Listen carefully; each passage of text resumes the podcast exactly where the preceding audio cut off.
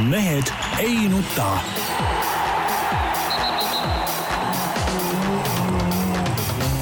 mehed ei nuta. selle eest, et mehed ei nutaks, kannab hoolt Unibet, mängijatelt mängijatele. tere teisipäeva, nagu ikka, Mehed ei nuta eetris, Tarmo Paju Delfist, tervist! Peep Pahv Delfist ja Eesti Päevalehest, tervist! Jaan Martinson Eesti Päevalehest, Delfist igalt poolt mujalt. kui nüüd alustada paari sõnaga siin poliitilist seisu vaadates, siis minu meelest täna jõuti ähm, poliitilises pokkeris täiesti uute panusteni. et eh, keegi siin pakkus välja, et eh, teise lapse puhul tuleks anda kümme tuhat eurot ja kolmanda lapse puhul kolmkümmend tuhat eurot. ja jutt käib siis, et, et see, see siis panna nii, nii-öelda kas korteri ostuks või siis, või siis äh, elamu aseme laenu selle võrra kustutada.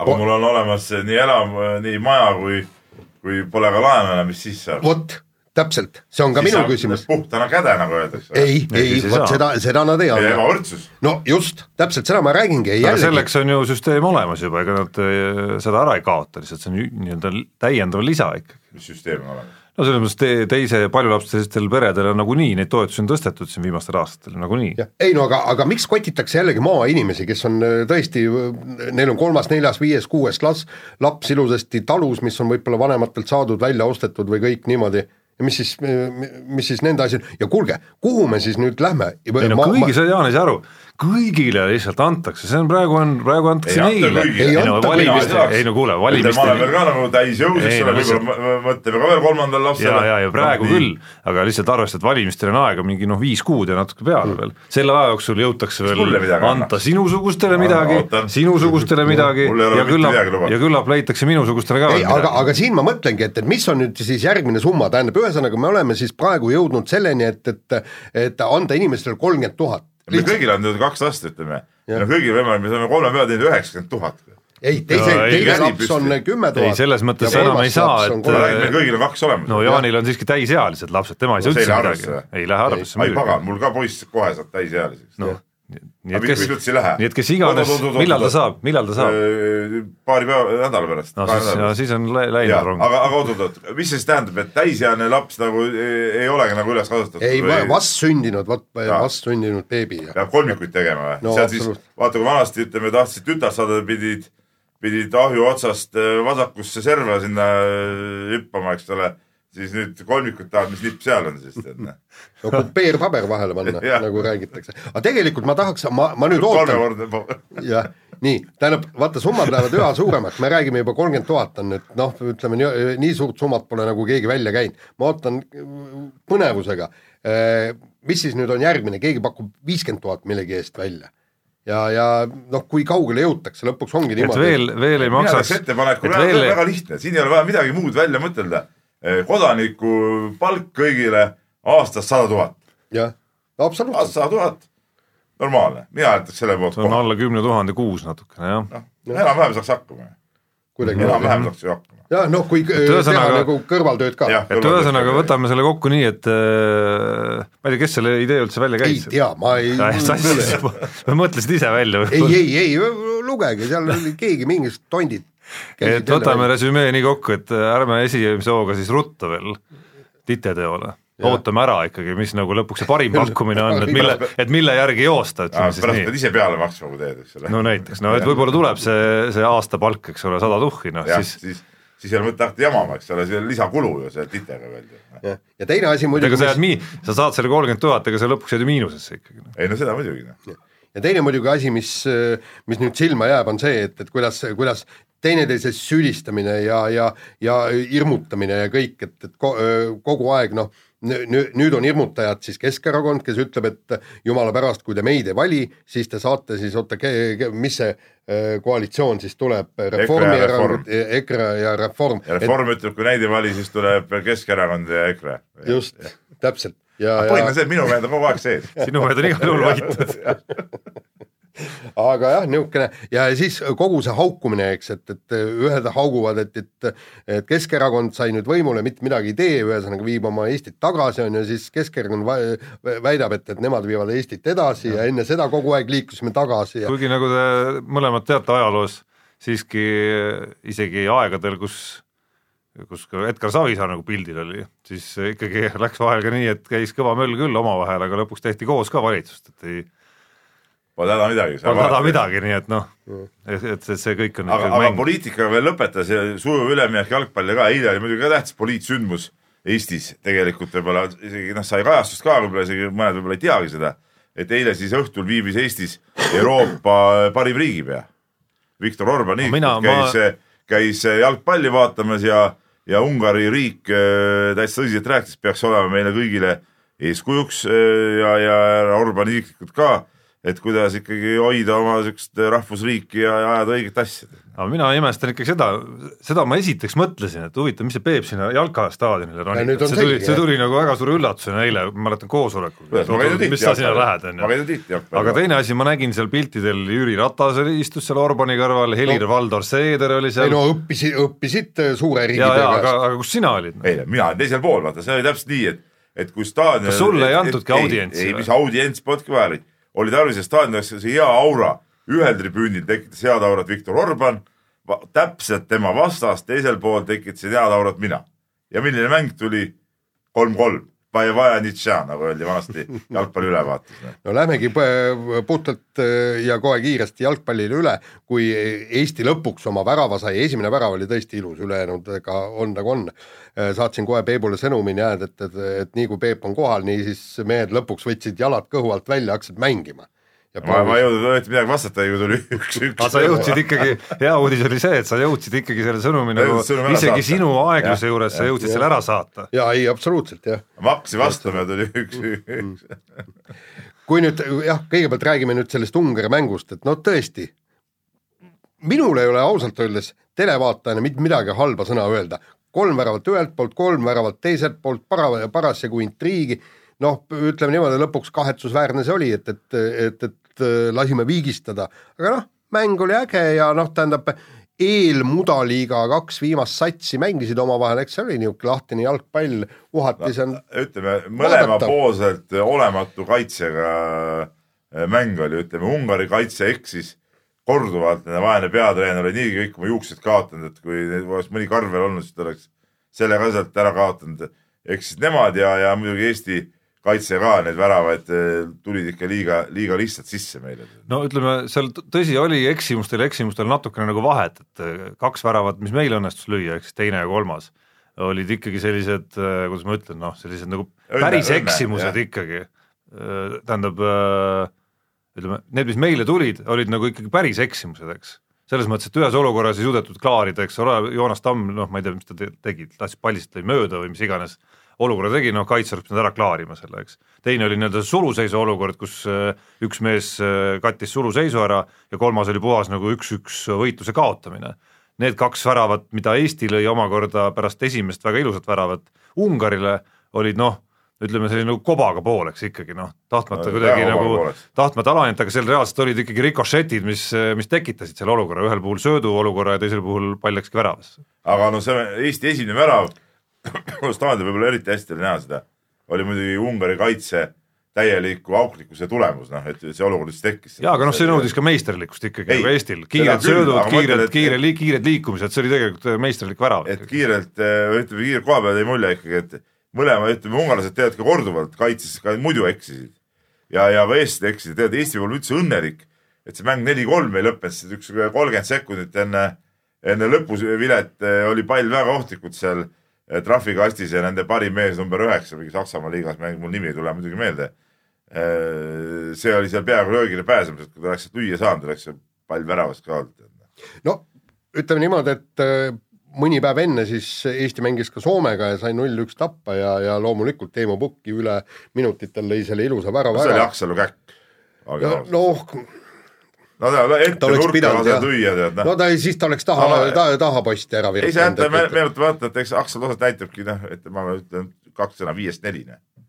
Te mis mis sa talle sisse lõid ja, see ja kusjuures nagu- sa kaitsesid tema penalti ära. ja selle kohta hea kolleeg Madis ütleski eile, kui ma seda meenutasin, et no aga sellepärast sinna ette nurka talle sisse löödigi, noh, noh. aga noh, siin kui nagu natukene nagu arutleda selle jalkakoondise üle, siis nii nende eelmiste mängude näitel kui ka, kui ka eilse mängu näitel minu arust on täitsa nagu põhjendatud küsimus, neil räägitakse hästi palju sellest nii-öelda värava löömise võimekusest või võimetusest. kui tegelikult kas äkki suurem probleem ei ole ikkagi see, et et ei ole enam naljalt mängu, kus me noh, ei suuda nagu ühte käkki ikkagi taga nagu ära hoida, ükskõik, kas see on mõne kaitsja oma, nagu näiteks see Joonas Tamme olukord, või see on äh, mingi, mingi olukord, kus nagu väravavaht aitab natukene kaasa. no ma et laiendaks, suhteliselt ebakindlad oleme me taga ka ikkagi. no ma laiendaks seda teemat sellele, et tegelikult eile seal vaatasin seda mängu ja nagu mõtlesin selle asja peale, mis ma, mis ma seal nagu näen. ütleme nii, et ikkagi nagu napib kvaliteeti, lihtsalt, lihtsalt mängijate kvaliteeti napib ja sellest tulevadki need eksimused äh, ka liht, päris lihtsalt seda enam, et vähemalt mina tajun teleri vahendusel, et niisugust nagu tahtmist ja tuhhi on päris kõvasti ette vaata, kuidas mingi. Hendrik Ojamaa tööd teeb näiteks, täiesti metsiku töövõimega, nagu müts maha selles mõttes. ei, ma just mõtlesin sellest, selle tahu pealt, et kas Martin Reimile nagu midagi ette heita, eks ole, et noh, see, see nüüd see arusaamatu liiga, eks ole, et seal olid kõik kaotasid siiamaani. noh, kui oleks eile ka tappa saanud, oleks võinud öelda, et noh, et võib-olla peaks treenerit vahetama midagi, siis ma hakkasin mõtlema, et no aga mis see treener seal noh, et kui meil on sellised mehed, kes meil seal parajasti on ja Mõned mängivad puudu ka si- ja no puudu on ka, ma ütlen, et, et need, kes praegu platsil olid või ütleme nendes mängudes nüüd, noh, see kvaliteet ongi selline noh, et ega sealt sa ei saagi, me ei saagi eeldada, et, et me siukse koondisega hakkaksime mingeid hirmsaid tegusid tegema, noh, ütleme seal ei ole mingeid väga säravaid eh, noori andeid nagu näha, ei ole mingeid eh, igapäevaselt väga kõvas liigas eh, mängivaid vendi, eks ole, kes, kes kogu aeg on pildil, noh, ütleme piisavalt palju. noh, ja seesama Ungari sats, mis pealtnäha oli ka su koosnes suvalistest tontidest, noh, sama Madis seal kõrvalt.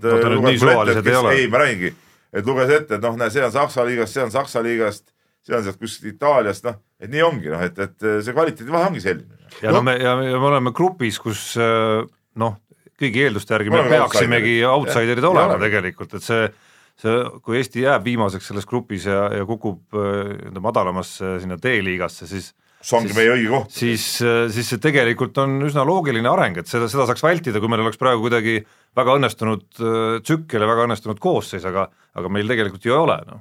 et, et meil, meil niigi ei ole ja siis on meil veel Klaavanid ja Käidid puudu ka. no tegelikult eh, jällegi, kui ma tulen selle Soome mängu juurde tagasi, me, me räägime tegelikult ühest, ühest äh, väravast, mille lõi siis tõesti noh, Soome suur staar Teemu Pukki, kes, kes eelnevalt, eelne-, eelnevates kahes mängus oli ka väravad löönud, eks. aga üsna teenitult ja päris kõva surve tagajärjel. just, aga, aga täpselt, et, et tähendab, et, et äh, me ei saa nagu eeldada seda, et me hoiame perfektselt kogu selle kaitse täpselt nii paigas ja ka just nii tugevate heade ründajate vastu, et see, see on no, võimatu. Kindlasti teeme ühe-kaks käkki, tegelikult ega need vastased teevad ka oma käkid, ainukene asi ongi see, et, et meie ei kasuta ära.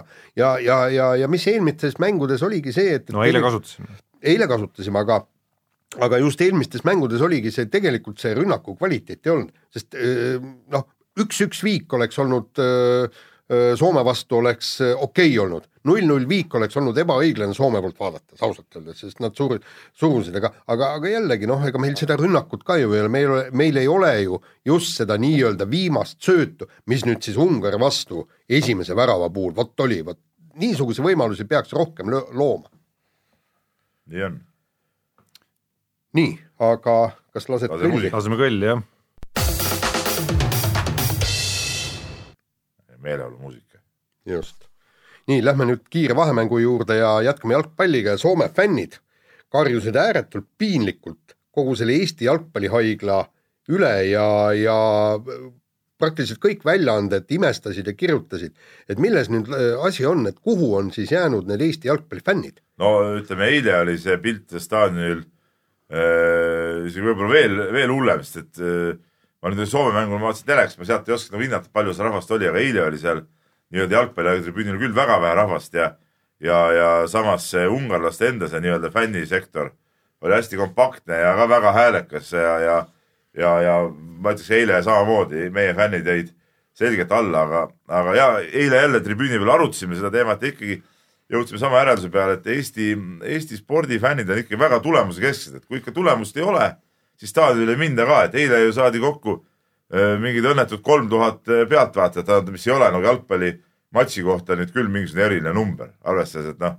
tegemist on siis ikkagi nagu mingisuguse ametliku sarjaga ja, ja, ja ametlikud koondised mängivad. no mis see kolm tuhat, millest võib-olla seal neli-viissada oli veel Ungari fänne, eks ole, et noh, see ei ole nagu mingi näitaja No ja, ja, ja no ega, ega see peegeldub ka sellest koondise mängust, eks ole, kui ei ole mängu, ei ole võite, noh siis see huvi paratamatult kahanebki. noh. mina, ma, ma ei tahaks küll öelda, et see Eesti fänn kuidagimoodi nagu eripärane on selles suhtes, ma arvan, et keskmine keskmine spordifänn maailmas, kui sa jätad nüüd sellised nagu paduhingelised kuidagi nagu põlvkondade kaupa mingid klubide toetamised näiteks jalgpalli näitel kuskil Inglismaal, mis on hea eeskuju, noh, ongi väga tulemusekesksed ikkagi, kui meeskond mängib kehvasti, ei näita head mängu, siis publiku arvud vähenevadki, väga lihtne, noh, vaata, ma ei tea, NBA, USA profispordis täpselt sama, sama case tegelikult, üksikute eranditega. no ütleme niimoodi, et, et äh, see, see Eesti jalgpall on vähemalt äh, jutu järgi sedavõrd suureks tehtud. meil on noh, tuhandeid ja tuhandeid äh, jalgpallureid, kõik nende vanemad ja, ja kõik sinna juurde kuulub No, no, et tege, tegelikult hakata mõtlema, et, et, et, et noh, need jalgpallipoisid peaksid ju, mäletad, kuidas me omal ajal, me käisime ka Kalevit vaatamas siis, kui nad mängisid ja, esiliigas. ja aga ma just seesama jälle noorreporter Kalvetile meenu- meenutasin, noh, tema on liiga noor mees, ta ei mäleta seda, et siis, kui Kalev kukkus kõrgliigast välja, siis oli ikka Kalevi spordihallis ka publikukriis. Ei no jaa, aga ikka käidi vaatamas. ikkagi väga vähe, aga hakkas, publik hakkas tõusma siis, kui äh, hakkas nagu meeskond ka uuesti nagu üles tulema sealt. noh. sama, sama pilti me näeme praegu, mis toimub Soome jalgpallikoondise ümber, eks. Soome on unelmate turniiri mängimas praegu ja mitte ainult koduväljakul ei ole fännid, vaid, vaid Eestisse tuleb kolm tuhat fänni kaasa lausa. teisalt jälle ma vaatasin, see oli siis laup-, ei, millal oli see Eesti-Soome mäng, reedel, reede õhtu. olin Saaremaa rallil ja, ja õhtul hotellis eh, vaatasin siis jalkat ja pärast tuli see kokkuvõttev saade. sealt oli väga hästi näha, kuidas eh, jalgpallistaadionitel ongi nendel, mis iganes selle liiga nimi nüüd oli, eks ole, ongi liiga vähe publikut või on vähe publikut, et hõredad tribüünid on, et see sari ikkagi ei ole ka selline, mis, mis nii hirmsasti publikut paeluks, ma arvan et noh, eks ta on selline sõprusmängu maiguline sari. maiguline sari ikkagi Jah, natukene. aga te, teine küsimus on ka see, et, et ega meil ei ole Eesti koondises ei ole kedagi, keda personaalselt minna vaatama, eks. Et no nagu me räägime, et, et kui tuleb Portugal siia, siis eh, inimesed lähevad vaatama Ronaldot. et seesama, et see, seesama, vabandust, ma segan, et seesama äh, need suured arvud, mis on loomulikult õiged ka, et need jalgpallipoiste hulk on ju tohutult kasvanud, et äh, need suured arvud kajastuvad rohkem, ma arvan, kuskil jalgpalli meistrite liiga või jalgpalli MM-i teleülekannete vaatenumbrites. ja, ja just, kui see, isegi kui see eh, Kalev seal põhjas või, või, või kehvalt mängis, siis meil oli alati, oli, oli, oli vaatama minna näiteks kui noored, kui Enden tuli, eks, et et noor seitsmeteistaastane poiss, kuidas ta Kalevis mängib, läksidki tema mängu vaatama, ta pani kontserte. siis läksid vaatama öö, kahtlemata Tiit Sokku, kes, kes samamoodi läks, siis tulid Kuusmaad, on ju, eks, et sa, sa, sa läksidki seda mängijat vaatama see on täpselt nii, nagu enne seda läksidki vaatama, et, et kuidas, kuidas Tammiste ja Krikun neid nii-öelda kaugviskeid panevad ja mis möllu nad teevad, sa läksid persoonide pärast kohale. aga vot jalgpallis ei ole paraku, sa, Klaavan on väga tore ja väga sümpaatne inimene, väga hea mängija, kõik, aga sa ei lähe ju vaatama no,, eks, et kuidas kes kaitsjad. kes kaitsjad. ei, seda muidugi jah. ja no teine asi, mis alati aitaks, on mingisugune noh, korvpalli näitel või, või ka võrkpalli näitel, eks ole, mingid Robert Tähelikud või Rene Teppanlikud, mingid tõusvad äh, noored, eks ole, või Kristjan Kullamäelikud natukene, mis tekitavad sellist elevust. et see on ka nagu puudu. siin Mattias Käit võiks seda rolli väga hästi täita, aga kahjuks on ta viimasel ajal kogu, kogu aeg vigastatud. vahetame teemat, Rait Ratassepp, meie ultrasportlane, leidis endale siis uue väljakutse, kahekümne päeva jooksul läbis kakskümmend Ironmani triatlonit ja ma arvan, et loogiline küsimus on, et eh, kuhu edasi nüüd? ma saan aru, et tal mingi plaan on, mida ta tahab välja ütelda, aga, aga mida mina tahaks nüüd soovitada, et kui ta teeb nüüd mingisuguse järgmise asja, siis see võiks olla nagu ikkagi võistluse formaadis. mitte nii, et äh, üksinda teeb, see ei ole nagu, noh, see ei ole nagu võistlus. no kui sa ajad selle asja nii äärmusesse, siis sul no jaa, aga noh, sedasama sul väga asja paar aastat tagasi alles üks äh, ameeriklane tegi, eks ole, et, et noh, et no siis ta ei ole nagu, ta on nagu, ta on vä väga võimas värk ja, ja ma ütlen, et mees, kes selle läbi teeb, on kõva vend. aga ütleme, see spordi üks, üks kriteerium, mis on nagu ikkagi võistlus nagu, et seda nagu seal ei toimu.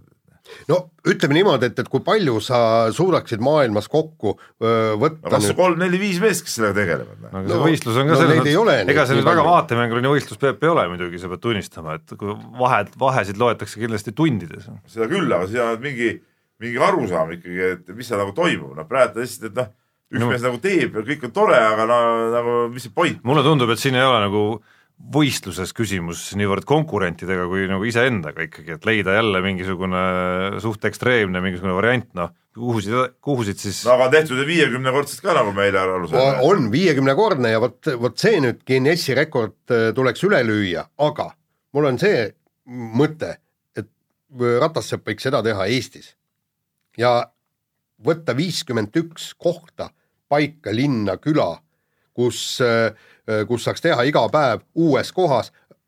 mis sa arvad, et rahvas ei tuleks seda vaatama või? ei tuleks talle appi ja kõik, kindlasti tuleks ja seda annaks kõik, kõike ju su- suvel Eestimaal seada ja erinevas paigus. viiskümmend üks paika, sellega oleks Guinessi rekord eh, löödud ja, ja Eesti rahvale ka elamust pakutud. ma ei tea, kas, kas see on võimalik, kas, kas siin on nii palju neid jalgrattatrasse, jooksutrasse, ma ei kujuta ette, aga, aga see oleks üks võimalus. No aga miks mitte. nii, ja miks ta aga üldse peab mingis triatloni formaadis olema, võtad lihtsalt, hakkad minema noh, algul Ei, paned, paned kuni. Atlandi ookeanini, okei okay,, vahepeal rattaga vahepeal jooksed, siis seda me välja ka arutasime, meil oli siis sa plaan pead üle ookeani ujuma, eks ole, ei hakkad pihta siit, ütleme hakkad ujumisega pihta, ujud, ma ei tea, kuskile Lätti või, või, või Leetu välja, eks ole, siis sealt eh, paned ratta selga, väntad kuskile Kesk-Euroopasse või teab kuhu, siis jooksed ka veel sealt kuskile, et no ütleme siit Portugaaliasse välja panna, päris kõva ja vot siis võiks olla nii, ei no siis sa ujud üle Atlandi veel, ja no see on Eks. juba järgmine level, eks noh, ole. see on ka maakeral tiir peale aga, aga see võiks olla see võistlus, kus tõesti viis-kuus venda panevad koos ajama siit ja siis sa tead, millal sa magad, millal sa tead, sööd või millal sa põrutad edasi ja kogu aeg paned järjest, kes esimese sinna kohale jõuab, ongi võidumees, noh, see oleks äge värk. see oleks ja nagu, jumet. ja, ja ka see mõte on hea. sellel oleks nagu jumet. jah, Tallinnast Lissaboni nii et kui vaja on, Rait, siis meil ideid meie käest ideid Jah. saab küll. nii, aga äh, Baruto ja äh, esines siis äh, siin hiljuti avaldusega ja siin tuleb ainult kahe käega alla kirjutada ja öelda, et äh, tubli mees Baruto. ja ta ütles nii, et ma ei saa aru, kuidas riigifirma lööb kolmelapselisel perekonnal kaabli läbi.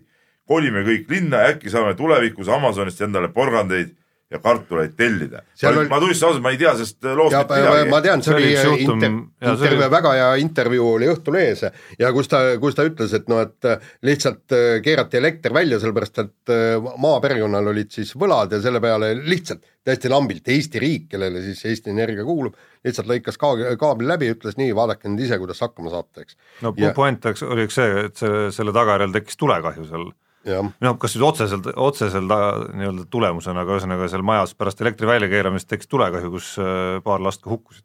see on see lugu seal taga. jah, ja aga no, aga, aga see väide nagu noh, ütleme siin linnas tööl käies ja ka meie toimetuse koosolekutel istudes ja mul tihti, tihtipeale selline tunne, et enamus need inimesed, kes siin ringi liiguvad, arvavadki seda, et need eh, porgandid ja kartulid ongi tööstuslikult kuskilt toodetud ja, ja, ja tellime need eh, kuskilt eh, endale mingisuguse Woldi ko- kotikestega ringi vuravate meestega koju ja, ja ongi, elu ongi selline, tead.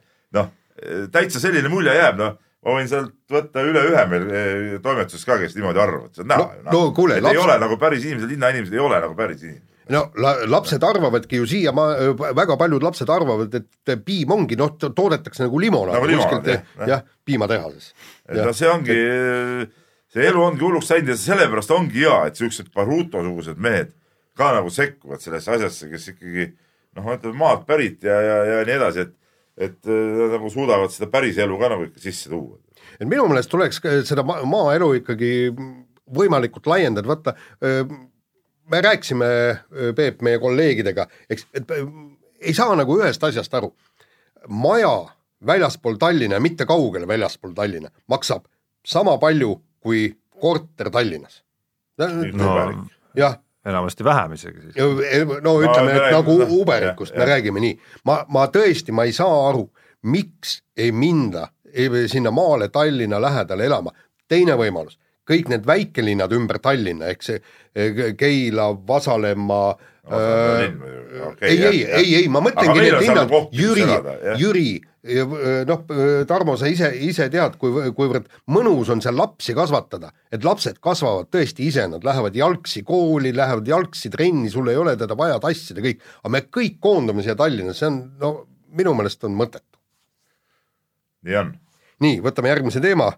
Ja täna ma nii palju parandan, muidugi enamik kohtadest, mida sa loetlesid siin Tallinna mm. ümbruse kohtadest, siiski kasvavad ka päris kõvasti. ei, nad kasvavad, aga, aga, aga et sinna, et sinna, päris mitu et sinna kolitakse mida, mis on müügis juba tükk aega, mina ei saa aru, et miks ma olen öelnud meie noorele kolleegile ka, kes siin on rääkinud, et noh, et tahaksin midagi vahetada Tallinnas, noh ei ole tore siin mingi kalamajas elada, mingi mm. no see piir, jah, see piir muidugi on kuskil seal, ütleme, Vasalemma on 40. palju kilomeetrit, nelikümmend, no ma arvan, et see joon jookseb seal kuskil kahekümne viie peal, kus, kus nagu Ära see, kus see päris kasvamine. minu pärast võiks olla ka kuuskümmend, mingit vahet. kus see päris, kus see päris kasvamine toimub? no ütleme, kui teed on head ja kiiresti saad sõita, siis ei ole mitte mingit vahet. mingit probleemi näiteks Haapsalust käia Tallinnast tööl, väga hea maantee, millest küsimus. jah, või siis mööda, mööda Leningradi maanteed tulla ja. sealt kuuekümne killi kauguselt, nii aga võtame järgmise teema ja siis täna siis, nagu ma saan aru äh,, Raplas äh,, Raplasse tuleb kogu Eesti korvpallifännid kõik kokku, ma ei tea, kuidas nad sinna saali küll kõik ära mahuvad, sellepärast et et äh, sinna saabub suur öö, äh, korvpall, platsile tuleb Vallide perekonna moodustatud IBA meeskond, noh, eks see IBA värk küll IBA ongi. ja, jah. no see J-täht siiski, Jaan, seal ees, mitte I. no ei, see on võta eestipäraselt. see on junior ja. basketball, mis iganes. Association. Association. nii, et, et ühesõnaga suured staarid tulevad sinna, ma ei tea, no Rapla saab nulliga, ma arvan no see on üks, üks, üks kuradi jama. no näed, ma vaatan siin viimati seesama tiim võitis Peterburi seniiti. seniidi duublit siis. Äh, sada kakskümmend üks, sada neliteist, Lamelo pool nelikümmend neli punkti. üksteist lauapalli ja kaksteist söötu. üldjuhul seitsmeteist, kaheksateist aastased mängijad. ma saan aru küll. et, et äh, muuseas seniidi duubli treenerit äh, tunnen väga hästi, peaks, oleks pidanud küsima, mis seal tegelikult toimus siis. et, et aga, aga minu arust see on üks palagan lollus oh,. kuule, üks uudis veel tahapoole, sealt äh, GBA või kus iganes see nüüd on äh,. Historic victory over CSKA Moskow, noh kuule. jaa, aga see oli ka ju nende ei, no, noortesats ju. ei no kuule, ära nüüd lasku detailidesse. ei, mina mõtlen, et ei, aga seda nüüd vaadates ma loodan, et Rapla ei hakka oma päris mängijaid seal kulutama, et nad mängivad ka duubliga, selle Kohila, Kohila satsiga siis põhimõtteliselt mängivad või? ei, ma ei tea. päris mängijad lähevad sinna vastu või? no ikka päris mängijad, ma arvan ah.. no ma ei tea, üldiselt see on üks jama ja, ja tegelikult ma seda ei saa nagu, nagu spordiks nimetada, see on nagu see, mis käis see vaata, Tarmo, me käisime sul vaatamas seda, jah, seda tsirkust ka tead noh. et see on sama tase umbes. noh, nii tsirkust ei ole, selles mõttes mängitakse ikkagi nagu võidu peale, aga aga need skoorid muidugi viitavad, et seal et see võib-olla ei ole ka ülemäära tõsine siiski. no ei ole, ei ole. nii, aga kiire vahemängu lõpetuseks räägime ka korvpallist, aga oluliselt tõsisemast asjast ja väga rõõmustavast asjast, ehk siis kõik märgid viitavad selles suunas, et äh, Siim-Sander Vene, meie hetke parim korvpallur, ongi saamas Hispaania liigas jalga ukse vahele ja ja kahekuulisest lepingust Hispaania kõrgliiga klubiga Manresa on saamas hooajapikkune leping no,. aplaus põhimõtteliselt ei, aga ma ei näe mingit uudist, et ta tegi ju pikendas ära lepingu. no klubi pole ametlikult kinnitanud, aga, aga kohalik meedia ja, Andresas väidab, et see, et see no, nii see on, on.. see on igati loogiline, nagu me eile sinuga päeval Tarmo omavahel rääkisime sellest, et noh, et oleks ju jabur loobuda Venest, kes on tõesti alustanud hooaega hästi ja olnud ikka meeskond üks kandvamaid jõudusid, no miks, miks sa pead sellest loobuma? Noh? no seda enam, et seal on kahe mehega sellel positsioonil äh, vigastused pidevalt ja ma saan aru, et isegi ilma Siim-Sander Veneta või tähendab koos Siim-Sander Venega, siis on niigi juba järgmine mees võetud ka ajutise kahekuuse lepinguga sinna. no tähendab, see näitab seda, et, et Siim-Sander Vene on mängumees. et äh, tal ei ole mitte mingisugust, tähendab, ta ei, ta ei vaata, ta oleks ju kindlasti võinud leida kuskil Rootsis, Soomes, ma ei tea, kus kohas, endale korraliku mängupaiga ja kõik, eks, kus oleks äh, aastane leping ja, ja korralik papp taga ja kõik nii, aga ta julges seda riskida, minna tõesti niisugune lühikese lepinguga ja väga selgelt, ma näitan teile, mis mees ma olen ja ärge muretsege, te pakute mulle pikka lepingut varsti ja täpselt nii läks, et äh, kuivõrd palju meie mängijaid on äh, võimelised ja valmis äh, noh, niisugust käiku tegema selle asemel, et, et minna kuhugi Kreeka esiliigasse. jaa, kõva. igal juhul, et ütleme, Hispaania liiga on Hispaania liiga. kõige kõvem, kõige kõvem, mis leidub. kommentaare pole nagu, pole nagu vaja. et see on tegelikult ka, ka nagu Eesti korvpalliks laiemalt minu arust päris nagu märgiline hetk ikkagi, et et pärast siin päris pikka aega ei ole meil ikkagi nii kõvas liigas keegi mänginud. Kristi Kangur oli viimane, kes seal mängis ju jah, jah, noh, see oli ka episoodiline ikkagi. no ikkagi, noh, ta ütleme, ta oli seal ja ja, ja, ja mängis, mängis jah, ikkagi päris, päris korralikult. nii. lased kõlja. muusikat ja siis. nii, kirjad. kirjad ja täna on kirju on palju ja ma kohe ennustasin, tuleb meil pikemalt läheb aega täna kirjadega. nii et pange valmis, hakkame kõigepealt Tamm Tammi kirjaga pihta. tuleneb siis eilsest vehklemis uudisest meil korra, see tuleb küll ka pärast jutuks, aga, aga küsimus on see, et kas tõesti ei suuda alaliit, see on see jutt sellest Novosjoolase vehklemiskoondise peatreeneriks ka ühtlasi meestekoondise. kas tõesti alaliit ei suuda leida piisavalt vahendeid, et Novosjoolov saaks piisava, piisavat sissetulekut ainult enda treenimisega ja samuti leitakse neile tasemel treener? selgub, et ei ole, no seda, seda ju tegelikult äh, ütlesid äh, välja ka koondise liikmed, et äh, Eestist ei ole kedagi teist võtta, et, et need, kes võiks Eesti meeskonda juhendada, nemad ei soovi seda ja välistreeneri palkamine, no seal ikkagi tuleb hakka, hakkame rääkima kümme tuhat eurot per kuu umbes ja, ja no seda, seda raha ei ole. ma olen kunagi aru saanud, kuidas nii edukas spordiala nagu vehklemine Eestis ei suuda leida nagu raha, see on minu jaoks nagu suuremaid müstifikatsioone. tead, vaata, siin, siin on küsimus selles, et äh, kas, kas maailmast on, on üldse kedagi tuua, võib-olla sealt on Ungarist, võib-olla tuua Venemaalt, Venemaa treenerid on kallid, võib-olla Ukrainast, nagu nad räägivad, et, et sealt tuua mõni noor ja ambitsioonikas treener, aga ma ei ole üldse kindel, et nad suudavad olla siin paremad, kui see töö käib ju individuaaltreeneriga. mina jällegi imestan, et sa imestad, et äh, ei leita raha, raha, raha, see on ju, see on ju siiski nagu no see ei ole ju mingisugune uudis, kogu, kogu taasiseseisvusaeg alaliitudel enamikel on möödunud ju kes on kogu aeg pildil, ei suuda ikka leida raha. ei, Peep, sa, sa ta ei ole nii pildil, ta on pildil ikkagi ju, me räägime kaks, kaks korda aastas põhimõtteliselt. no ei ole, natsist. et nendel vehklejatel, ütleme, nagu reaalset turundusväärtust, sorry, aga noh, ei ole väga palju pakkuda. ei ole, vehklemisnaistest kirjutatakse iga kuu ju noh. ja kuule, teine asi on see, et, et nad tuleks tuua pildile, selleks peaks olema spetsiaalne mänedžer või keegi, kes tegeleb sellega. just, ja, ja, ja kõik see toetuse, mille nad saavad EOK-lt ja riigilt, need on ju tegelikult sihtsuunitlusega toetused, eks. koondise liikmetele on äh,, siis on noortele, noortele ja ka sealt tegelikult väga palju seda raha üle ei jäägi see, see raha tuleks juurde siis, kui me tõesti leiaksime hulga sponsoreid, siis oleks seda pappi küll ja veel, aga ei leita. jaa, aga noh, ma ütlen, see äh, huvi vehklemise vastu ongi ikkagi enam-vähem selline kaks korda aastas huvi, selle, see on see vehklemise suurim probleem. päris nii ei ole ikkagi. Ma ütlen veel kord, ikka MK-etappide kajastame ka ja lugejaid ka. no kajastame ka, aga võime nüüd pärast Peep välja vaadata, aga MK-etappide ajal ikkagi see huvi ei ole võrreldav selle hetkega, kus, kus MM-il midagi reaalselt nagu võidetakse aga ka. see pole ühel kanalil, eilsed jalgpallijärgsed intervjuud äh, ei ole kogunud ka mitte mingit lugeja huvi näiteks. no suures plaanis on vahe ikka nagu tohutu tegelikult. mis jamad, nii vähe kui eilsed jalgpalli ei no jalgpall pakub sul kõneainet kogu aeg ikkagi no.. no ei noh, nii äh, Lähme edasi, Tamm-Tamm kõva vaidlus kuidagi ei paku, on. oota, lähme edasi Tamm-Tammi kirjaga, see on tead veel huvitavam kiri. mul vahel kaheksa-aastase lapsega käib umbes samamoodi. nii, võin jätkata või? jah, palun. ja Tamm-Tamm kirjutab siis nii. alati, kui mõni sportlane medali võidab, saab mõni ametnik rääkida, kui suurepärane kõik on. Teie sõber Siim Suklas oli väga positiivne ja andis siis noorte olümpia ajal intervjuu, kus ütles minu arust annab see tunnistust ühe suure müüdi ümberlükkamisest, kui kogu aeg räägitakse, et noorus on hukas, Eesti spordil pole järelkasvu, siis need kaks medalit näitavad selgelt, et järelkasv on olemas. jutt käib siis noorte olümpial saavutatud medalitest. ja küsimus, kas teie jaoks on ka see suur müüt ümber lükatud? no ma ütlen kohe, udujutt, mitte midagi, mingi noorte olümpiamedal ümber ei lükka ja, ja sõber Siim, tõesti, aeg oleks nüüd nagu teha ja vaadata asjadele nagu reaalselt otsa. no ütleme, ütleme nüüd niimoodi ühe legendaarse suusatreeneri lausega. juunioride medalid huvitavad äh, kolme persooni või nelja persooni. sportlast ennast, tema treenerit ja tema vanemaid. rohkem mitte kedagi.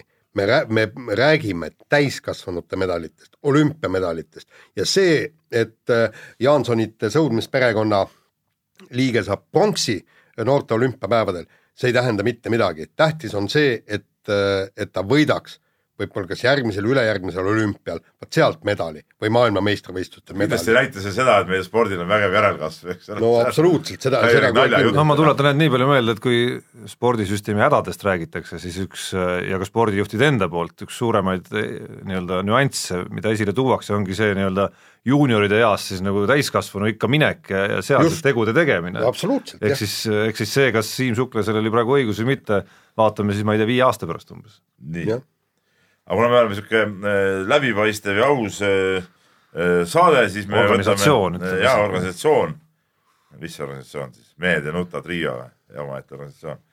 aga okei okay,, ma saan aru küll, mis sa mõtlesid, sa mõtlesid, et meie töö- tööandjad, siis võtame ette ka meie kohta kriitilise ma kirja. pigem mõtlesin ikkagi, et me oleme suuremad kui lihtsalt saade või ei, No jaa, ei me oleme nähtus või, või, või nii, aga jä- jätkan nüüd. nii. nii palun. et sa, Tarmo, saatsid anda natuke aru ja jutt käib siis Delfi korvpalliülekannetest ja võib-olla tõesti me oleme siin väiksed selgitused ka võlgu ja, ja Viktor Vihmavari kirjutab meile ja kirjutab nii, olen üritanud Lätis toimuvad Eesti-Läti ühisliiga mänge vaadata läbi Delfi ülekande lingi, mis on siis liiga kodulehel mängu juures, mängu juurde pandud. see on täielik jama. see pole isegi slideshow, vaid veel hullem, umbes kümnesekundisele pildile järgneb umbes minut hangumist ja nii edasi kas Delfi stuudio omanik tahaks seda olukorda pisut kommenteerida? vabalt, ma olen tegelikult äh, vastanud Viktorile juba noh, nii-öelda meili teel samamoodi ja, ja äh, küsinud täpsustavaid küsimusi, selles mõttes, et väga raske on seda konkreetset juhtumit äh, kommenteerida, sest et kehval pildil võib olla nagu väga palju põhjusi, mis võivad alata noh, küsimus on selles, kas need olid üldised ja kõikidel või konkreetsel inimesel, sest ma ei ole muid signaale tegelikult väga kuulnud, et Läti Delfi ülekannetes oleks tehnilisi probleeme olnud. et ma ootan tegelikult Viktorilt pikisilmi, et ta täpsustaks, täpsustaks natukene ja vastaks nendele küsimustele, mis ma küsisin talt, et et noh, see, see ongi see vastus, ma rohkem ei oskagi siin nagu midagi öelda. aga me oleme võlgu muidugi inimestele selgitusega sellest, et kui me reklaamisime välja, et me ei näita, et me näitame kõiki eh, liiga mänge me kõiki tegelikult ei näita, siis sul on Tarmo siin ka hea ütleme kahe, kahe Delfi peale me jättes välja hooaja alguse mõned erandid, sest Lätis ei olnud tootmisvõimekus veel piisaval tasemel, näitame siiski kõiki mänge Läti, Läti ja Eesti Eestis ei korvpalliliigast. tea kahest Delfist midagi, eestlased Eesti äh, Delfi on. jaa, aga selleks, selleks tuleb minna ainult liiga kodulehele ja seal on viited vastavalt siis kas Läti Delfi ülekandele või Eesti Delfi omale. nii, nüüd on see asi ka klaaritud. nii ja lähme edasi Kalle kirjaga ja ka väga huvitav kiri, tere mehed. et eh, täna sain Eurospordi artiklist teada, et Rio olümpial osales pagulaste delegatsioon, no see on nagu vana asi, me kõik teadsime seda. ja Tokyos tulevad nad uuesti peale. päris täpselt aru ei saa, millega tegu ja kuidas see struktuur välja näeb ja millised sportlased sinna kvalifitseeruvad. Et teie kui spordis kõike teada, äkki saate mind valgustada. No nii palju, kui mina mäletan, on äh, jutt käib nendest pagulastest, kes on tõesti, elavad seal pagulaste laagrites ja kellel ei ole praegu äh, noh, mingit võimekust nagu äh, neid olümpiakohti taotleda, eks nad on, nad on tõesti konkreetsed pagulased seal ja ja nad ei saa kä- käia kvalifikatsioonivõistlustel kvalifikatsioonipunkte kogumas ja neile siis antakse nii-öelda wild card, et nad saaksid vähemalt esindada oma, oma riiki pagulastena ehk siis pagulaste võistkond ja ei, nad ei esinda mingit riiki. Ei, nad ei- ja just, ja ma ütlen, ma ütlen nüüd kohe ära, see on absoluutselt debiilne idiootsus, ei ole, see on täielik idiootsus, tähendab. olümpial esindad oma riiki, ei, Peep, kui sul ei ole riiki, siis sa ei saa olümpial osaleda, väga lihtne. Peep, aga- aga mis nüüd- mis kuradi, nüüd teha? mis kuradi pagulaste no kuule, ei Peep, kui sind aetakse sealt kodust välja, kui sind aetakse sealt kodust välja, sul ei ole tõesti peavarju, sa pead oma perega lahkuma, eks. et see süürlane, kes, Süüria sportlane, kes noh, ütleme põhimõtteliselt notitakse- Süüria, Süüria osales ju olümpial. jaa, jaa, aga see Süüria sportlane, kes põhimõtteliselt põgeneb kodus, sest muidu ta tapetakse ära koos perekonnaga, peab sinu arust siis Süüriat aga kas seal oli mõni sihuke sportlane, kes ka vääris seda äh, olümpiapääset või? no Ma- ma- ma ma- ma tõesti ei oska see- ma tõesti ei oska. pagulaste võistkonnast kedagi, see on, see on üks kuradi jura, ma ütlen, Jaan. ei ole. täielik jura. ma leian, et see on täiesti okei okay.. täiesti mis okei saa alusel mis sul selle vastu on? aga mis alusel nad sinna ei saavad?, selle alusel, et ta on, ta on, ta on sportlane, tal ei ole võima-, kuule, kui sa oled sealt kodust välja pekstud, sa pead, elad seal pagulaskülas, see on tegelikult jubedad vaatepildid. no küll jubedad vaatepildid, aga ma ütlen nii, et, aga, aga et kui nende ole... samade riikide koondised ju osalevad ju no see on nende vaba valik, et nad on läinud sinna minema. ei, ta ei No, ole alati vaba valik kuule, võtame siit see Eesti minek, ma saan aru, et, et väga paljud olid tõesti, kes läksid siit Eestist ära. Läksid sabad selgas, just, aga see, sa kiidad heaks seda, see oli täielik jama, et nad läksid. Kui me hakkame vaatama, kui meie riigijuhid ja need, kes olid jõustruktuurides, need oleksid maha löödud ja, ja löödigi need siia, siia jäänud maha. kui, kui, kui sina ja sinu lapsed kardavad oma elu pärast, loomulikult sa lahkud. selge see, et, et meie riigijuhid alates Pätsist ja kõik, et kõik, kes, kes saadeti hullumaja, kes saadeti vangilaagrisse, sa tead oma tulevikku ette, loomulikult sa lahkud. no aga enamus olid ju niisama tilulilutajad. see on teine asi, see on teine asi. ja no igatahes. jaa, aga siin me räägime ju Süüria ja Sudaani ja no see on ju noh, see on ju kirjeldamatu võrdlus, Peep, praegu üldse. ei no võivad ju Süüria lipust ikka võistelda, kui nad tahavad. nalja teed või? kuidas? Mis mõttes, kuidas? ta, ta ei saa seal Süürias olla, ta oleks surnud, kui ta seal edasi oleks.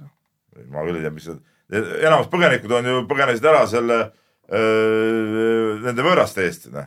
mis olid need kuradi Daeshid ja, ja mis, mis, mis vallutajad ma. Peep arvan, et sa võiks natukene võib-olla nende taustadega rohkem tutvuda, kes seal pagulaste nimel nagu võistlesid.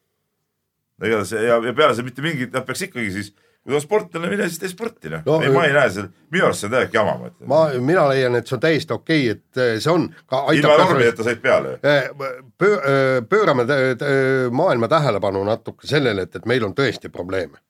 meie maailmas on probleeme. ma ütlen veel kord, täielik jama. nii, aga nüüd tuleb nagu põhikiri, millest, millest peab hakkama tead rääkima ja, ja, ja see on äh, Ardo kiri sellest, kuidas ta käis oma kolmeaastase lapsega spordihallis ja noh, mees käib ise siis äh, Lasnamäe keeruliskallis trenni tegemas kolm-neli korda nädalas ja kuna poiss on siis juba kolmeaastane, otsustas, et võtab korra nädalas ta sinna kaasa.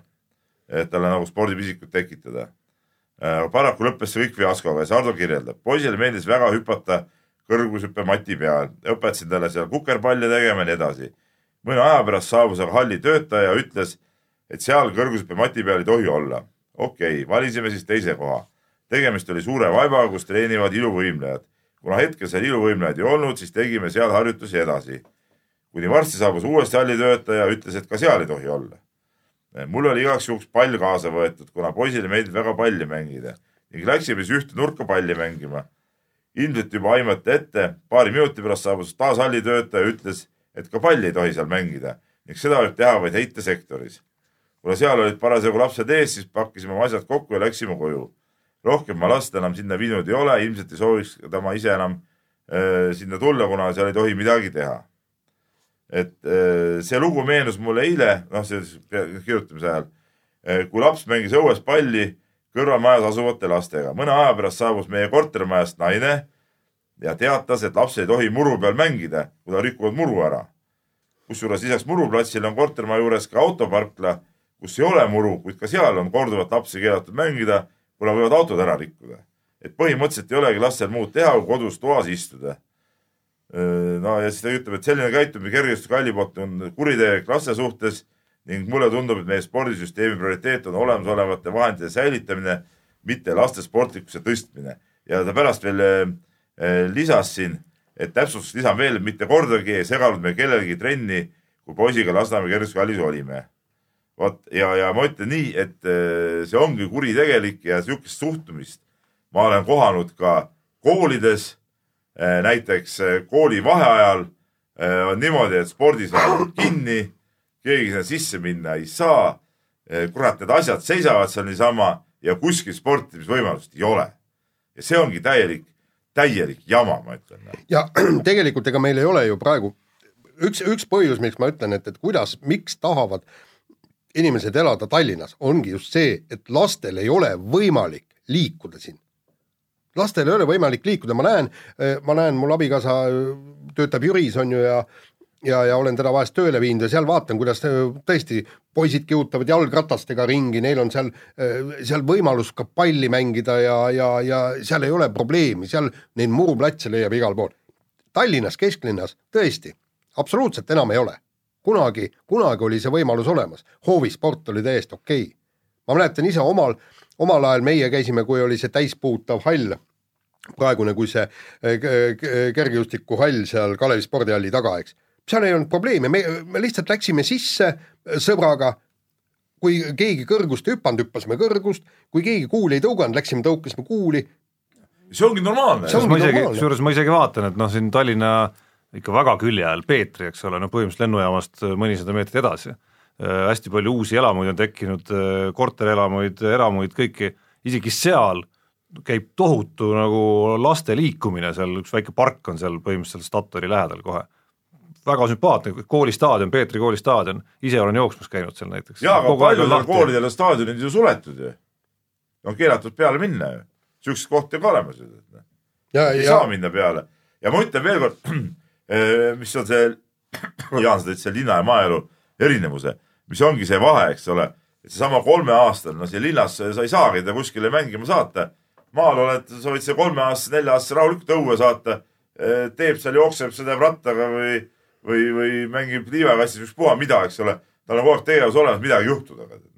aga, noh- aga linnas ei ole seda võimalust üldse. jaa, aga noh, see läks võib-olla natuke selles mõttes see jutt liiga laiaks, et lõpuks on kuskil seesama kes, kes see inimene oli, kes käis seda manitsemas seal äh, konkreetses spordihallis, on ju, ja kuskil seesama naisterahvas, kes siis ma kujutan ette. kes ütles lastele seljas, loki rullib jah, kes peas, ütles, tuline kileda kes ütles lastele, et ärge muru peal mürage, et rikute muru ära, on ju. et, et, et, see, et ma arvan, et see ei Muru ole tahabki tampida., ma ei ole kindel, kas see on nüüd nagu linna mõtlemine või maa mõtlemine, et ma kahtlustan, et selliseid inimesi kahjuks võib leiduda ikkagi igal pool.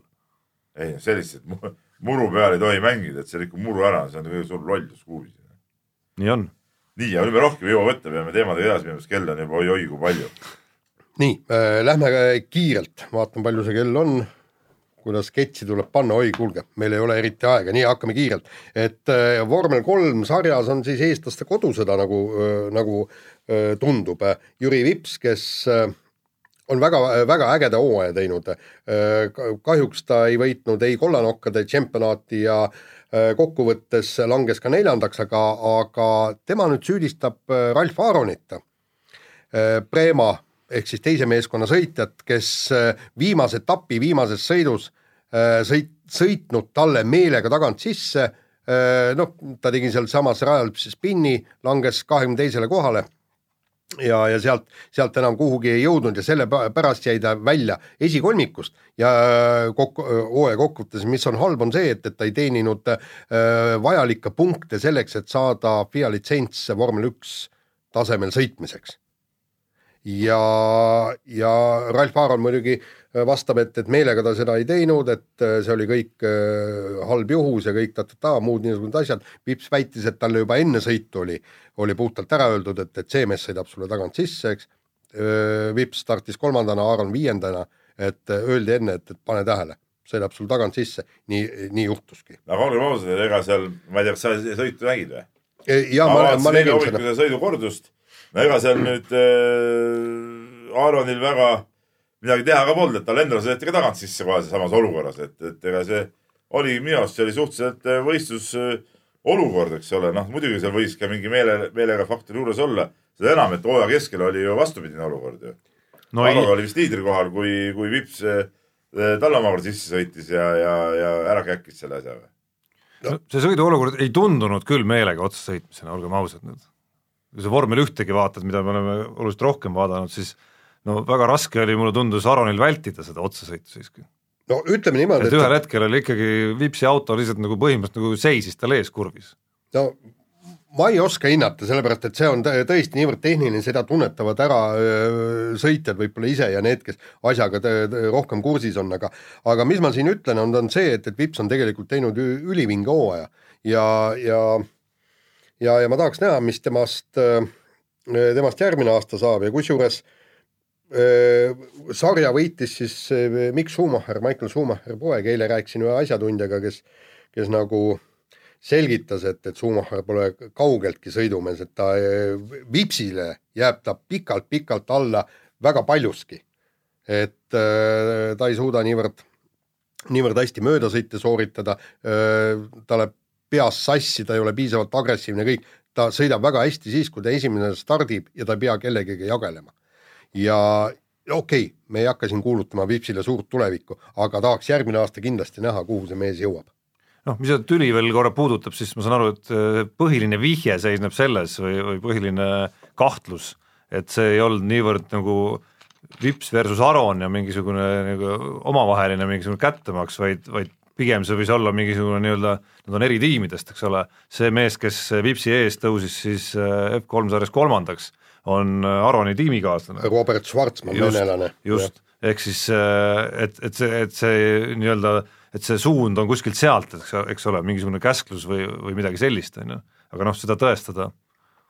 see on raske ja, ja mehed ise on hoidnud terve eilse päeva igatahes tagasihoidlikku joont ja ei ole, ei ole täiendavaid selgitusi õnnestunud nende käest saada. aga vahetame teemat, kirjadest käis see teema meil korraks läbi, naaseme selle juurde korraks veel, ehk siis Nikolai Novosjolovi asumine Eesti EP koondise EP meeskonna peatreeneriks, on see mõistlik samm?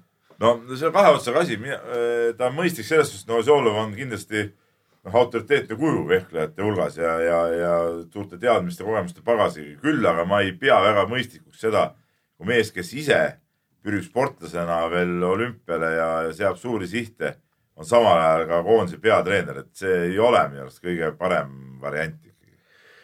no ütleme ütleme see nii. ise ka seda öelnud, et tegelikult parem meelega võtaks, oleks võtta selle töö peale Tokyo olümpiat tähendab si, siin noh, minu mõte ja idee ja mis, mis ka nüüd äh, välja öeldi, on, äh, on ikkagi see, et, et Nikolai Novosjolov ei ole sellesse koondisse puutunud viimane aasta võistlustel, ehk siis ta, ta, ta ei ole võistelnud Eesti eest.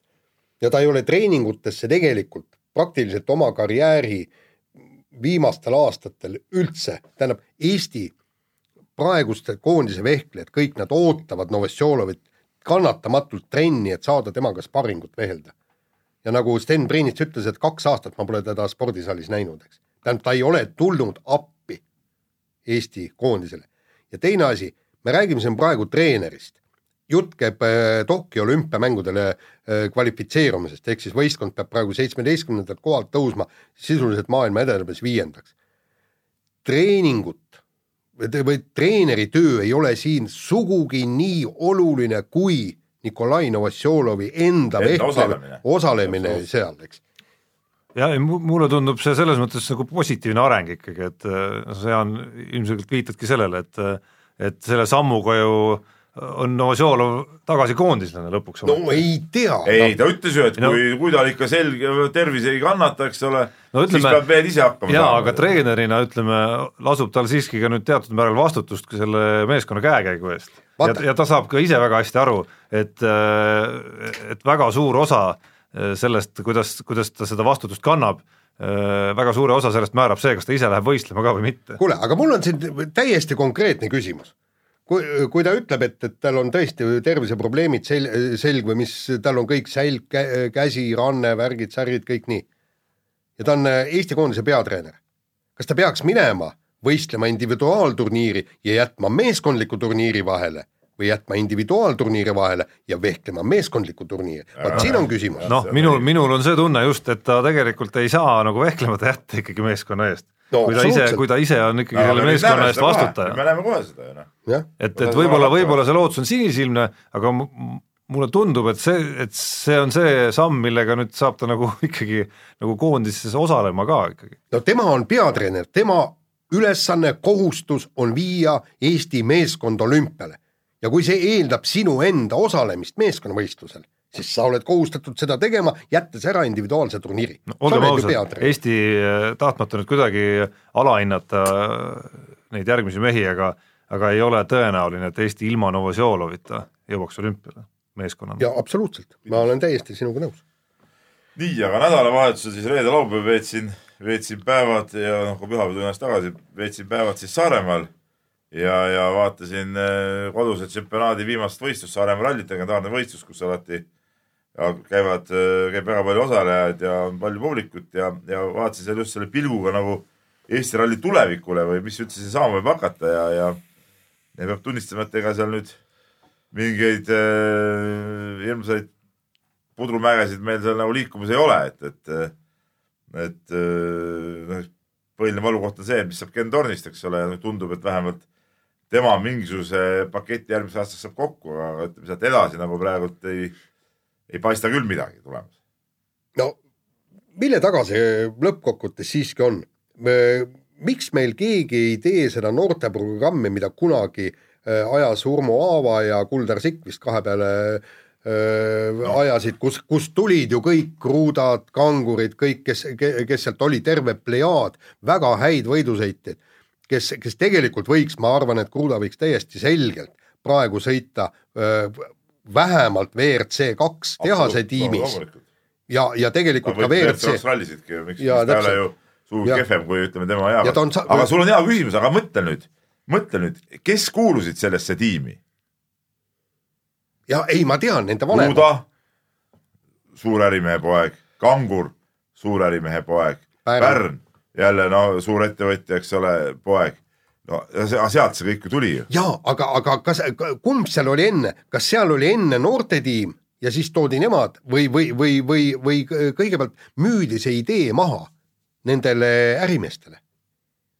miks me, miks me ei või uuesti seda, seda sammu jätkata no. või siis teine võimalus on tõesti teha, me, me mingil moel ju peaks olema võimalik needsamad ärimehed, pange raha kokku, kui te, teie poegadel tõesti, te, te ei jõudnud sinna, võib-olla kuskilt veel pange mingisugunegi summa kokku, teeme uuesti selle noortetiimi, neil olid kõik ühesugused autod, nad sõitsid ju Eesti tšempionati, vaata kui kihvt oli neil igasuguseid väiksemaid rallisid ja ja, ja mis asjad, mingid kiirendusvõist-, mitte kiirendus, aga no, rallisprint jah. La,. jaa, aga jaa, ei no selles suhtes kõik on tore, aga, aga praegult on ju ikkagi ka see nii-öelda see R2 noortesari on ju olemas rallide raames ju sõidetakse ja seal on ka tüüpe, kes sõidavad ja see ei ole nagu väga kallis nagu Eesti mõistes isegi seal osalemine, et aga paraku sealt nüüd noh, väga palju siukseid säravaid talente ikkagi ei paista, noh, Roland Poom on võib-olla järgmine mees, kes võiks eh, proovida ka seda juunior WRC sarja, aga, aga ütleme, noh, rääkisin ka Kuldar Sikuga ja, ja no ei, no ei, ei ole nagu näha, ma sain aru ikkagi sealt praegu siukseid väga kiireid tulemusi, et, et selles suhtes ütles hästi, selleks, et nagu välja minna, pead sa kodus ikkagi olema teistest eh, üle nagu noh et kui Ken Torn läks välja, siis ta kodus ju lõputus eelmine hooaeg nagu kõiki, noh. ja, ja siis ta oli nagu suutis olla seal sarjas ka kiire, aga, aga järgmised mehed siin ei ole praegu Ken Torni tasemele jõudnud ju noh, ütleme kui Torn kaasa sõitis see hooaeg ka R2 autoga, siis need äh, kodused mehed ei olnud sellel tasemel ja, ja sellepärast neil ei ole ka eriti mõtet praegu väljamineku peale mõtelda. Nojah, ütleme niimoodi, et siis oli ikkagi natukene seda massi ka, eks ju. aga praegu ilmselt tundub, et massi ei ole, noh, vaatame. ootame järgmist talenti laseme kõlli ka. lase kõlli ka. aega meil muidugi nii, ja lõpetame taaskord äh, poliitteemaga, et Keskerakonna aseesimees Jaanus Karilaid ja noortekogu juht Jaan Männik esinesid nädalapäevad tagasi Õhtulehes revolutsioonilise valimislubadusega katame Eesti jalgpallihallidega. ja, ja algab jälle nüüd siis see valimisvõitlus ja, ja tõesti, äh, ütleme ausalt, ega see idee, kelle poole nii-öelda pöörduda ei ole sugugi paha, sest meie Eesti jalgpallikogukond on väga suur ja hakkame nei-, neile kohe jälle maailma kokku lub-, lubama.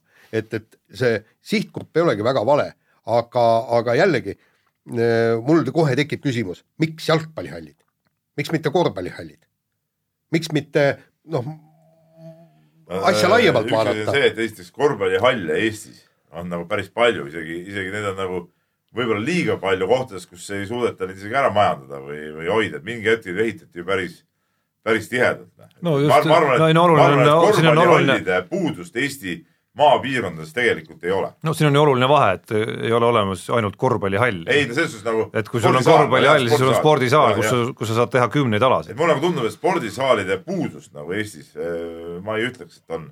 et enam-vähem äh, enamus paljude maakoolide juures on olemas, võib-olla jah, on niisuguseid maakoole kus ei jõutud ehitada või ütleme, ennem sai see nii-öelda eurotoetuste asi tõmmati nagu koomale.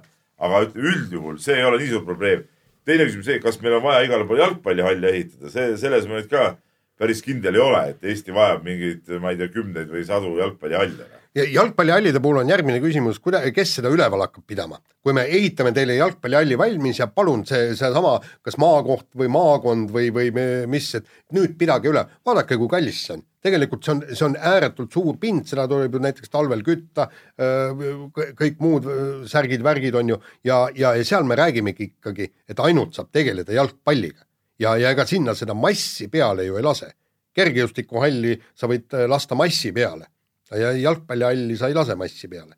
ja, ja tegelikult ma arvan, et kõik ähm, erakonnad peaksid äh, spordi oma valimisprogrammi lülitama, aga mil määral ja mil moel, vot seda ma tahaks näha ja ma, ma arvan, et see, et, et tulla, et, et me nüüd ehitame igale poole jalgpallihallid, noh, see ei ole ka mõistlik mõte no,. see ongi ju nagu põhiline küsimus, ma imestan, et sellest äh, kuidagi sellest ühest mingist väljaütlemisest on üldse nii palju nagu räägitud ja nii palju reaktsioone No see on päris konkreetne lubadus ju tegelikult ja, ja, ja see ja, oli ja lubadus, mis see oli- mõjutab väga suurt kontingenti ta. oli selles mõttes ikka mingi uitmõte, et minu arust siin on täpselt sama nagu nende ütleme, katuserahadega, kus jagati mingit, mingil arusaamatul alusel võib-olla mingitele regioonidele, noh enamasti nendele regioonidele, kus oma mehed siis on kohalikus, kohalikus nii-öelda omavalitsuses valitsemas, jagati rohkem loomulikult ja teistele vähem, on ju, et noh, nendega oli sama, sama olukord, et kui on oluline mingisugune regionaalne mingisugune nagu areng nendes valdkondades, noh siis tekitame mingi süsteemi ja ja hakkame selle alusel raha jagama, mitte nii, et kuskilt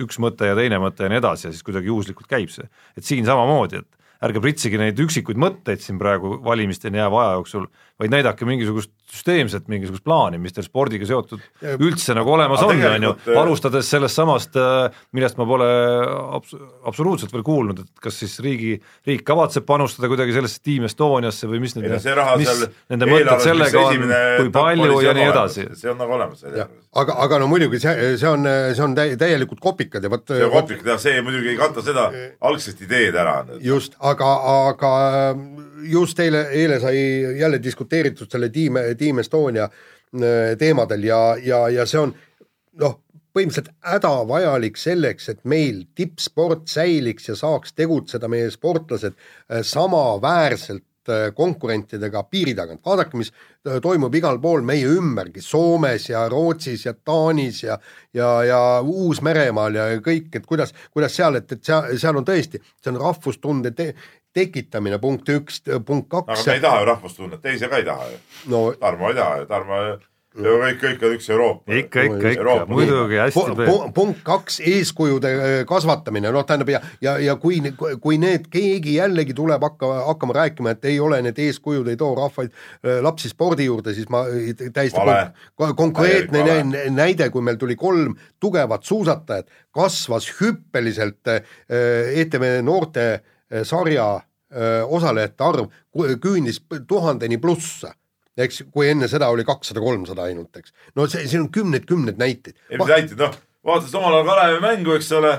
Kalev pani seal hästi, läksid õue, hakkasid ka neid nimesid seal hüüdma ja, ja peale viskama, tead noh Ja-. küll olid Tammiste, küll olid Lipso, küll olid tead, Tomson. ja, ja ko- kolma, kolmas asi muidugi, mis on, on, on see Eesti riigi nii-öelda maailma viimine. vaadake, mis Baruto tegi Jaapanis ja praegu on mingisugused ärisidemed on tal juba tekkinud ja kõik ja, ja, ja ta kogu, kogu Jaapan teab äh, Eestit läbi Baruto, mitte sellest, et äh, kui meil võib-olla president või peaminister sinna lähevad ja noh, selles, selles sa ju selles sa ju ei peagi veenma, aga teema alguse juurde just naastes ongi see, et et et, et ei saa olla valimisteni jääva aja jooksul ka spordis see, et noh, kuskil seal, kus jalkainimesed on, hüüame siis mingeid halle lubame välja, eks ole, kuskil midagi teist, et, et ootaks mingisugust nagu mingi süsteemsemat vaadet. ma tahtsingi ütelda, kas te mäletate, mul nagu ei tule üldse meelde, et ütleme viimastel, üldse valimistel oleks sport kui selline olnud eh, korralik valimisdebati teema nagu. ei, absoluutselt ei ole olnud, tähendab isegi me ärme räägi spordist, räägime just sellest liikumisharrastused ja kõik ja ma, mina te- eelmiste valimiste eel ma tutk-, uurisin läbi kõik need valimislubadused.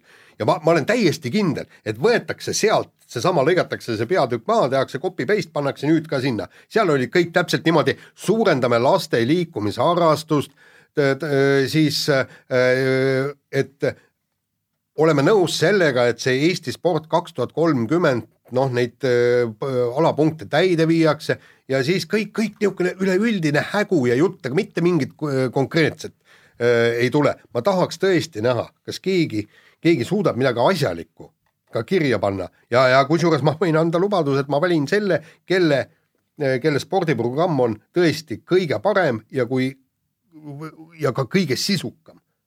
sest, sest minu jaoks on tähtsad kaks asja. laste haridus ja laste tervis. Need, need on kaks asja, kui meil on need asjad korras, kui meie lapsed on haritud, meie lapsed on terved, siis Eesti õitseb. no nii, tööle, tööle. tööle ei saa minna on..., kõik peavad olema koolis tegema teadust, päris töö, tööinimesi meil ei olegi, Jaan tahab haridust, tahad ei, ei, ma mõtlen praegu parteidele, tööle, et näe, Jaani hääl on praegu siin ripakil täiesti. ja minu hääl on ripakil, nii. Need on valed, valed lihtsalt ütleme ideed. ei, väga õige. Jaanil ja sul Tarmo. et lapse, et see la, laste tervis, haridus ei ole tähtis. ei, ei, tervis muidugi on ja sport on tähtis, aga, aga ma mõtlen. haridus ka pole tähtis. haridus, no mis haridus, noh. koolid meil on ju, põhikoolid, keskkoolid on olemas ju, mis sa veel tahad? jah, aga, aga meil on vaja ka, et need lapsed oleks haritud. see on teine asi. Jah no vot. haridus ja haritus on kaks erinevat asja. no just. no vot. sest no ei saa öelda, sa haridus, haridus, et minge kõik ülikooli, kõmm, aga mis edasi saab? ma, elu sureb välja siis. minu arust Jaan ei ole väitnud, et ei, ma, peaks, kõik ei, peaks miks, minema ülikooli.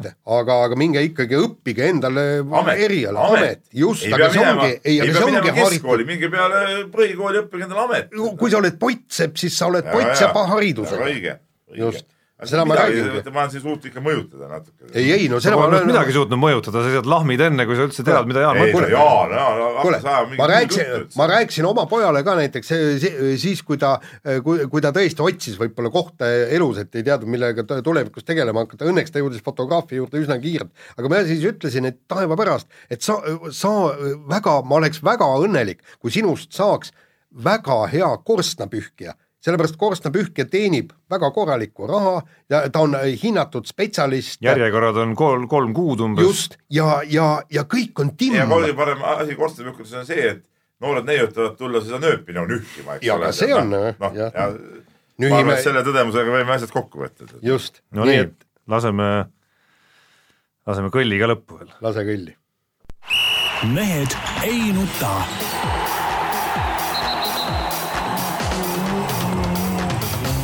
mehed ei nuta